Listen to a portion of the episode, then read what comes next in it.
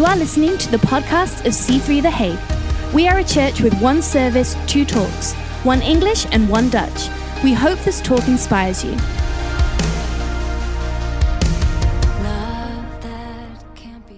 And so let me just read the scripture for you, which is really about that, where Jesus has this conversation with Peter and his followers. He says, Who do men say that I am? And some people say, Oh, we th-. some people say that you're John the Baptist. Other people say you're Elijah, raised from the dead, or come back. Um, and, and, then he says, Who do you say that I am? And then for all of a sudden, Peter, who quite honestly often says the wrong thing, uh, by coincidence says the right thing. And he says, You are the Messiah, the Son of the living God. And Jesus says, Ding, ding, 10 points to Peter. Um, or his name was Simon, actually. Um, he says, you know, you didn't receive this. Flesh and blood has not revealed this to you. You haven't received this from any teacher. Um, and then he says this to him, to him. He says, And I will tell you that you are Peter. So he changes his name. And on this rock I will build my church, and the gates of Hades, or in other words, the gates of hell, will not overcome it. And, and many people have, have thought, the Catholic Church have thought that Peter, therefore, was called the rock the, that God will build his church on. So Peter, apparently, according to history, went to Rome. Uh, then they elected somebody else to lead the church in Rome, and that became the Pope. And now all of a sudden, the church was built on this this this person, descendant of Peter, because God would build His church on this one person. That's kind of like the the Catholic Church for you. Um, but this rock, which makes a lot more sense, by the way, this rock that Jesus will build His church on is not Peter, because Peter means rock um, he says, On this rock I will build my church. What is the rock? The rock is the conversation they are having about the revelation that Jesus Christ is. Um, uh, is the Son of the living God. It is the revelation that Jesus, um, uh, well, the revelation of Jesus. And everywhere in the Bible, you will see um, a rock. You can you can replace this with the meaning that Christ is the rock. Jesus says, if you listen to my words, you do them, you will be like a man building his house on a what? On a rock. And so, uh, so, so this revelation of Jesus being the cornerstone, as we spoke about during the um, communion today, that Jesus being the cornerstone, this revelation that it's all built on Him, that it's all through Him and for Him, the revelation that He is the core, the center of the house that we are building. Uh, this this is extremely important. And so our, our church, we will, we will try as much as we can to not be general, generalized about God somewhere as a mystical being, but we will like to call him Jesus. We will speak about the Holy Spirit, by the way, who is also called the Spirit of Christ. We want to make it clear because people can be vague on God, but you have to be specific when it comes to Jesus. You're kind of like either for him or against him. Um, and uh, and so so it's a, it's it's a thing, right? Jesus is kind of like a big deal in the church. So he says, on this rock, on this revelation, uh, but but then he says this, which is extremely important: I will build my church. This is what he says. Now, the first thought that I want to share uh, with our church today is that Jesus, oh, sorry, that that the church whatever it means, and we're going to talk about what it means, but whatever the church is, whatever the church is supposed to be, so let's let go of that thought for a little moment. Whatever it is, our calling is to build the church. Directly or indirectly, our, our calling is connected to building the house of God. I fundamentally believe in that because Jesus says, This is what I want to build. And as my followers, what are we going to do? We're going to build what Jesus wants to build. So he gives, in the end of this chapter, the end of this book in Matthew, he gives the big commission saying, Go into all the world, preach the gospel, baptize people in the name of the Father, Son, and Holy Spirit, um, and teach them all the things that I've commanded you to do, and I will be with you to the ends of the earth. He gives us the big commission. At the end of Mark 16, he gives us the same thing. He says, Go into the world, preach the gospel, make disciples. Um, he gives some other details there, by the way. But so this is his assignment, but the way in which he will do it, we can find right here in Matthew 16. We can see that Jesus wants to wants us to go into all the world and make disciples through building the church. I will never apologize for this because sometimes I find there are organizations that are saying Europe needs to be changed. let's organize a conference. Now, we're about to organize a conference this week, so I cannot be against it at all. But the question sometimes is do we need a conference to change Europe, or do we need a church? And let me just be quite honest with you people want to build all kinds of stuff, but uh, we fundamentally believe that Jesus will work through his church. I'm not against missions. We've got, for example, Abby, a girl in our church, right now is in uh, Ethiopia training, I believe, churches, but also people to do kids' ministry. Uh, we've got Bina in our church in the Dutch community who, who, just went to Indonesia to set up an Indonesian foundation. We actually prophesied over her in a meeting in this church. Um, uh, a year later, we found out that she's doing something in Indonesia. We prophesied the exact same things that she is doing. She didn't connect them with each other. Then somebody told her, hey, this was prophesied over, over you. And so now she's doing it. She's building, uh, I believe, a school and some amazing things. And so these things are fundamentally amazing and we believe in them. So I'm not preaching against missions. But what I'm saying, what I want, what I, what I want to do is I want to change the definition that we have of what is a missionary. Because the first missionaries in the Bible, well, the first missionaries in the Bible are the disciples who were sent out two by two by Jesus, saying, Go and preach that the kingdom of God is near. But then afterwards, we see that the church is started, uh, the church is being birthed in uh, Acts chapter 2. We will talk about that a little bit more during the series. But um, then then we begin to see that the church in Jerusalem gets persecuted, so they get spread out. Then there's another church that's that's starting in a place called Antioch, and Antioch is this place where people come in and go out. It's like a business city, an international city, maybe a little bit like The Hague, you could say. Um, and so it's like it's like this place, and then they have a prayer meeting there, and then some prophets and the Holy Spirit they start saying, "I want you to separate uh, the apostle uh, Paul, who was an apostle by that time, and I believe Barnabas. I want you to separate these two, and I want you to send them on a mission. And from this moment, they are not called missionaries, but they are called what? Apostles, because apostles literally mean sent ones. So now all of a sudden it's Apostle Paul because he is sent to go on missionary journeys. Now, if you have a paper Bible, I'm not sure anybody has it here, but if you have a paper Bible, at the end of the Bible, there's the book of maps. Have you have you found that? It's like the maps that you can find, like little little drawings, and you can see the three missionary journeys of Paul the Apostle. Missionary journey one, you can see a little line with arrow, usually um, in in one primary color, let's say blue. Then you see missionary trip number two, yellow. Missionary trip number three, green. And you can see the three missionary trips. Now I wonder, what did he do? Did he work with fugitives, refugees? Did he, um, did he do foster homes? Did he, um, did he do uh, mime or dance concerts? Can you imagine Apostle Paul going, you know, river dancing uh, in the Holy Spirit? I don't know what what what what events did he organize? Did, did, did he get some bodybuilders in to crush uh, to crush something big or to pull? pull a man up from I don't know whatever and no no what he did is he preached the gospel and he planted churches and so this was the missions work that we can see in the Bible. It's the planting of churches. And so I want to I want to sort of make a sort of slightly controversial statement to some people saying, you know, in the beginning of our church, it was so fascinating. People said, because we founded our church uh, with blessing, obviously, from the leadership of Pastor Phil and Chris Pringle and, and, uh, and our church movement, we started a church with a thousand bucks. And people said to us, well, what do you do for missions? And we said, well, you're looking at it right now. This is what we're doing.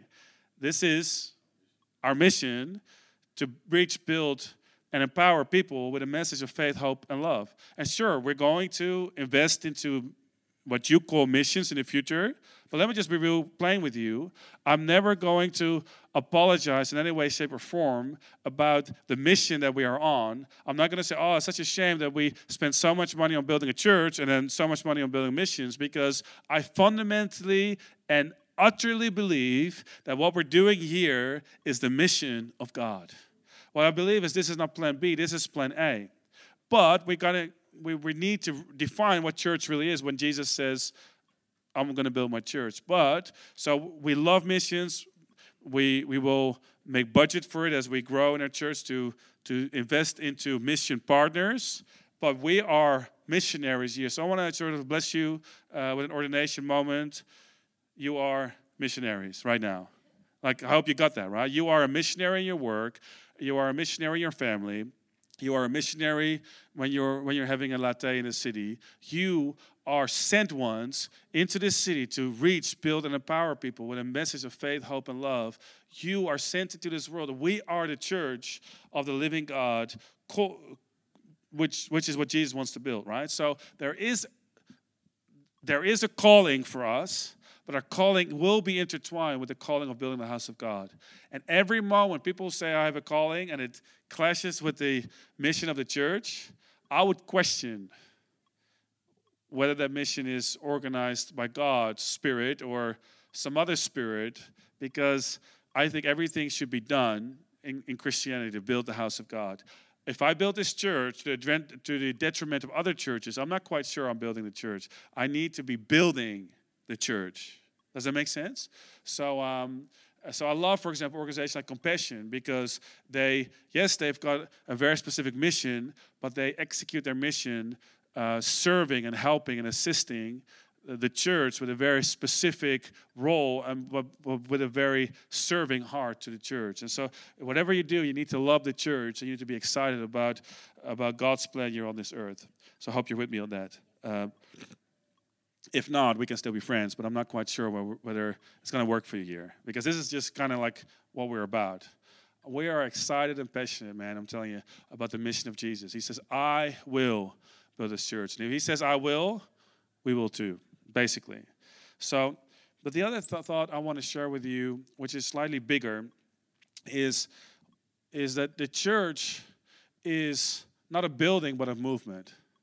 The church is not a building but a movement. And so when Jesus Jesus says, "I will build my church," he used a word um, which is the word ecclesia. He says, "I will build my ecclesia," and this word ecclesia is very fascinating. Oh, well, that's I said freestyling. This is an old slide. Oh, okay. Well, yeah, let's put the other one on. But uh, I will build. This is another series that we did a year ago. I will build my ecclesia. Um, and ecclesia is fascinating because there's this old Greek translation that was that was being circulated in the time of Jesus, which was called the um, uh, I don't know what you call it in English, but Septuagint, which which um, which is the translation of the Old Testament in Greek, and the, the Greek word used for the people of Israel, the household of Israel, is the word ecclesia. So when Jesus said this, he knew that this would be like a reference to the people of Israel. And this was also used in, in, in modern language in, the, in that day for the people of Israel as a people, but also as a scattered people. They were called the ecclesia. So ecclesia was a known word that was being used. The other, uh, the other use of the word was um, for a gathering of people um, in the uh, democracy of, of Athens.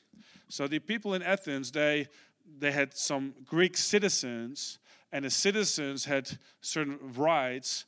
And when there was an issue or whatever, they would be called together to make a decision on a specific um, reason, specific purpose. These were privileged people, by the way. They were called out to make decisions. Um, these decisions determined the outcome of very specific things, uh, the, the creation of culture in their society. Um, and that gathering was called ecclesia. So it means uh, the called out ones, it means a gathering of people. Um, but it's very essential to understand that Jesus didn't say, I will build my church. He says, I will build my ecclesia. And so he was talking about the people of God. He was talking about um, a meeting, and somebody, uh, Andy Stanley, um, uh, explains that in both in secular and religious literature, ecclesia had, has always been seen as I'm going to quote, a gathering of people united by common identity and purpose, unquote. A gathering of people united by common identity and purpose. And let me just say this because when people talk about church is not a building, but church is a community, and they say church is ecclesia, they often will tell you we're a community. So church should be more than an organization, church should be an organism. In other words, we should be friends, we should be liking each other. There should be more than just than just a meeting on Sunday. Totally true, totally agree with it. But what's often forgotten is the aspect of being united in a common identity, and a purpose. And so, church is more than a social club. Church is more than a community. Church is a, is a purposeful community called together for a specific reason, for a mission. So, church, I would say, ecclesia, when Jesus says, I will build my ecclesia, he said, Yes, I will build my church, but the church would not be a building, but a movement. And totally local, but a local movement of people. But not like the yellow vests, where nobody knows what their purpose is. Especially in the Netherlands, you interview them saying, oh, What are you for? Well, we're against. What are you against? Well, the government. We're against taxes. We're, we are against, you know, they can tell you all sorts of things they're against, but they're not united with a common sense of identity and purpose. And so we're not the yellow vests. We are purposeful. We are on mission to do what? Well, to build the church, to, to make disciples. And so there's, there's this, this, this, so let me just summarize. There's this shift in thinking when it comes to ecclesia versus church. It's fascinating because the word church um, started to be used based on an old um, uh, actually an old German word, like uh, like the German word for uh, kirka, which later become, became German for kirche, which then became church and kerk, kirche. The Dutch translation actually says gemeente, which is like community, which is a bit of a better translation, but all the English translations say church. Um, the thing is, the moment we think church instead of ecclesia, we kind of get stuck in our thinking a little bit we have this a little bit less because we don't own a building, but it kind of is being seen as a building. When you Google Church The Hague, you will very you will get on Google you will get a lot of hits for church buildings. Because this is what Google thinks. Church is a building. And then you get the churches that are that are here. So sometimes it's confusing. It's like, are you a church building or are you a church community? You know, it's kind of like unclear. So let me just show you this slide. This is kind of interesting. I never do slides, so it's always interesting when I do slides. Um, church is a building, but ecclesia is a movement. Church can be locked up, but ecclesia can be stopped. Church uh, is built on a foundation of concrete, but ecclesia is built on a foundation of Christ. Church is something you go to, ecclesia is something you are a part of. Oh, I did a spell, spelling mistake there. Church is based on membership, um, ecclesia is based on engagement. Church is static, but ecclesia is dynamic. And it's, it's really important to get the shift of thinking that this requires. Because can we, can we just start a little bit longer? The thinking that this requires, because if, if church is a place, can we see it a little bit? If church is a place you go to, like the application of how you are a part of church is, is different. So you're, you're like, you know what, I'm just to I'm to be there. So now it's church. But when you're at home, uh, at work, it's not church. Um, me- memberships, like I become a member or I participate in building the house of God. See, it's a it's a thinking between is church a building or is church a movement, um, still local, uh, but it's it's important. The the early church didn't have a building. So the first three centuries there was no church buildings. They went from house to house, and then they had their meetings. Um, in the beginning, actually every day, but they had their public meetings and their private meetings, and and, but, and they went to the synagogues and everything in public places, but they didn't have a church building. The fourth century, the emperor Constantine uh, uh, made church legal because it was forbidden under Roman law, and it made it a state's religion. So what happened is before, sometimes Christians would gather together around the grave of a martyr. And then what happened is they, when it became legal, they started to build buildings around the grave. People came together, it's a church building. Or what they would do is they would take the bones of the martyr, uh, move them into a church building. And now this is a place of meeting, a place of gathering. So, so it became, um, so it changed from being a movement, it changed to being a building. And the problem with that is whoever controls the building then controls the church. Like in the, in the medieval church, that's the word, right? In the medieval church, the Bible was chained up to the pulpit with a chain, literally. And it only translated in Latin, so nobody could understand anyways. If you would have it, didn't matter. But it's like, it's like we control, and so people would manipulate and control with the Word of God. And church became something that was way other than what Jesus intended for it to be. Church became an institute. Church became uh, rules and regulations. Church became um, became a legal entity, and church became something. We are a legal entity because we have to be, but church became something that was that was not a movement, but it was static. You would go to it, but it wasn't a part of your daily life. And so, and so as as humankind, we've always tended, in the last couple of uh, last five minutes, we have always had the tendency to change a movement to something static. This is, this is really something that is in our human nature, I would say. We've always seen this. And this is, this is as old as the, as, as the history of the world. So let me just go back to Genesis uh, chapter 11. And I want to read you the story about Babel. Is it Babel? Um, this, which is really fascinating. If we can see this, we're just going to read it together here. It's so fascinating. Genesis chapter 11, verse 1, I believe. Do we have it? So, yeah, Genesis 11, verse 1. Otherwise, I'm just going to read. Okay, so this is right after the Ark of Noah. And so, and so I'm going to come back to that. So these are the descendants of Noah. Then it says, Now the whole world had one language and a common speech. And people, as people moved eastward, don't know quite why they moved eastward, right? But they did. Um, they found a plain in Shinar and settled there. Notice the word settled, which I think is, is a good word um, for this context. They said to each other, Come, let's make bricks and bake them thoroughly. They used brick instead of stone and tar for mortar. So they invented brick, right? So they invented brick stones. Okay. Then they said, Come, let us build ourselves a city with a tower that reaches to the heavens so that we will make a name for ourselves. Listen to this, this is really important. Otherwise, we will be scattered over the face of the whole earth. Did you see that? we, uh, so we're going to do this because we don't want to be scattered over the face of the whole earth. But the Lord came down to see the city and the tower and the people the people were building.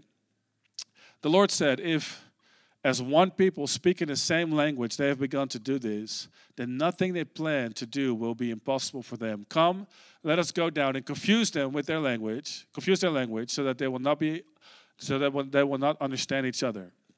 So the Lord scattered them from there over all the earth. They stopped building the city Think about that. They stopped building their settlement. That is why it was called Babel. Babel means confusion, because the Lord confused the language of the whole world. From there, the Lord scattered them over the face of the whole earth. Okay. Now, many Christians think that the problem with Babel was that the people, the people's ambition became too much. So God says, "Wow, you're going to build a tower up into the heavens. Some commentators even say they were building the tower because they wanted to defeat the next flood, which I'm not quite sure is true. But anyway, so the, but, but so they, they were saying, uh, so the thought is they were saying we're going to build this big tower, and God became intimidated, came down and said, "Your plans, people, are way too big. I'm going to scatter you because you're thinking too big." So, and so this is kind of what people, what people are thinking. God thought they were too ambitious. So I'm, now I'm going to scatter you because as unified, by the way, that's a lesson for us. Unified, we can do anything we want to. Um, unified in, in common identity and purpose. But in this case, it was it was a bad thing. The question is, why was it bad? Well, let's go back to Genesis 9 verse 7. This is what God said to Noah and his descendants, right? So this is two chapters before. And listen to this. This is interesting. He says, Do we have it in English? Yeah, amazing. As for you, be fruitful and increase in number. Listen to this. You got that? Multiply on the earth and increase upon it. And what did the people say? Two chapters later. So they moved a couple of, I don't know how far to be quite honest, they moved a couple of kilometers east. They found this valley. They're like, good enough? We're going to settle. We're going to, listen to this, we're going to build walls and a tower. Now, what is the best symbol we have for walls and a tower? Church. Yeah, we got a couple of walls, four walls, and we got a tower, and we've got ourselves a big old church building. So we're going to have church up in here, and we are going to have a church moment, and we're going to settle in church. The problem with the problem with building a city wasn't that they were too ambitious. The problem was that they weren't ambitious enough. God, let me just repeat this. God did not say they were too ambitious. God said you are not ambitious enough. Because God said, i have blessed you and I've given you a commission to go and increase on the complete earth and multiply yourself over it. And here you are satisfied with what is the place called? Shinar? I've never heard of the place. Well, we've heard of Babel, but anyway. But so you're so so you build walls. So what is a city? A city is essentially walls. And walls are defensive right? Walls are a first defense. You live within the walls and you protect yourself from, from, the, from the danger outside. And the problem when church becomes a building, it becomes sort of like a defensive mechanism. We need to keep sin out of the camp. We need to keep evil out. Oh, the world is coming, and we become defensive instead of progressive. We become conservative instead of progressive. We become safe instead of risky. Uh, we become static instead of a movement. And it's a, kind of like an issue to God because God has given the church a commission to go into all the world, and yet we have this tendency to build walls and towers and to keep out and to. But see, the ecclesia is not about building walls, but it's about building bridges. The ecclesia is not about being defensive, but it's about being progressive. The ecclesia is not about being like, let's hold the fort, let's keep the enemy out, but the ecclesia is about going to the enemy's camp. Are there any Lord of the Rings watchers here? Huh? Not really? Okay, probably a long time ago, right? I'm getting old. So, uh, and some of us are also getting old with me. Amen. so, so Lord of the Rings 3 is fascinating because, because okay, so there's this evil evil king Sauron. You've seen it, right, Alex? It's evil king Sauron, and and now they go. The third movie. Uh, now they go to the gates of Mordor, which is evil dark kingdom, and then they they they start they start to attack the evil kingdom, right? Notice that when you attack a kingdom, you enter you you you will approach them at their own gates. Did you get that? You will meet them at their gates. One thing I haven't seen in the movie, though, is that, that they said, let's bring our gates with us. Let's advance the gates. And so they would bring the walls and the gates, and they would come, you know, like they would just build a new gate against the gate. No, no, no. What you do is you come against the gates of an enemy when you attack, not when you defend. So when, it's, when there's a battle around your gates, you are under attack when there's a battle around the gates of the enemy, they are under attack. Now, what did Jesus say again in Matthew 16? He says, I will build my church, and the gates of hell will not prevail against it. Which means that the, the fight is not at the gates of the church where we build a building and we're being defensive. No, no. The fight is at the gates of hell where we are progressing and we're going into. And so, church is called to be a forward moving, a forward thinking, a forward, um, and I'm not saying progressive polit- uh, politically, by the way, but a forward moving movement that is not called to be static. And so, now, what does all this mean for us? Have you wondered that? What does it mean? Well, I think it's pretty simple. Babel is about building walls and a tower, but ecclesia is about building people who break down walls and multiply. So, or build bridges and they multiply.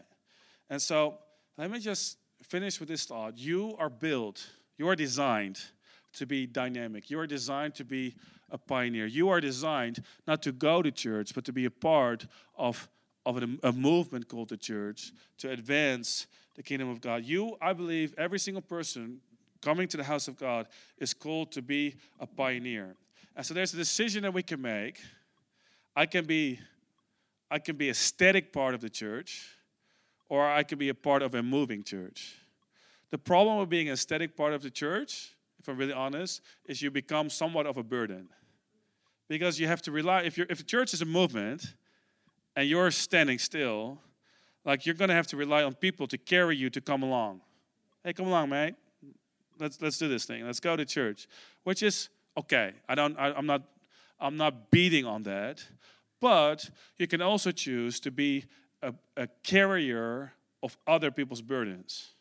So, what it means now is the church is a movement, and you are increasing the capacity of the movement to go from A to wherever it is that we are going. And I would encourage us all to, to give to feel the permission to be an active part of building the mission of the house of God. Church um, is the mission of Jesus, and we are called to be a part of it, but we're not called to be a part of a, st- a still movement. We're called to be an active part. Thank you for listening to this podcast. If you want to know more about what's going on at C3 The Hague, please follow us on Instagram. We'd love to see you on Sunday.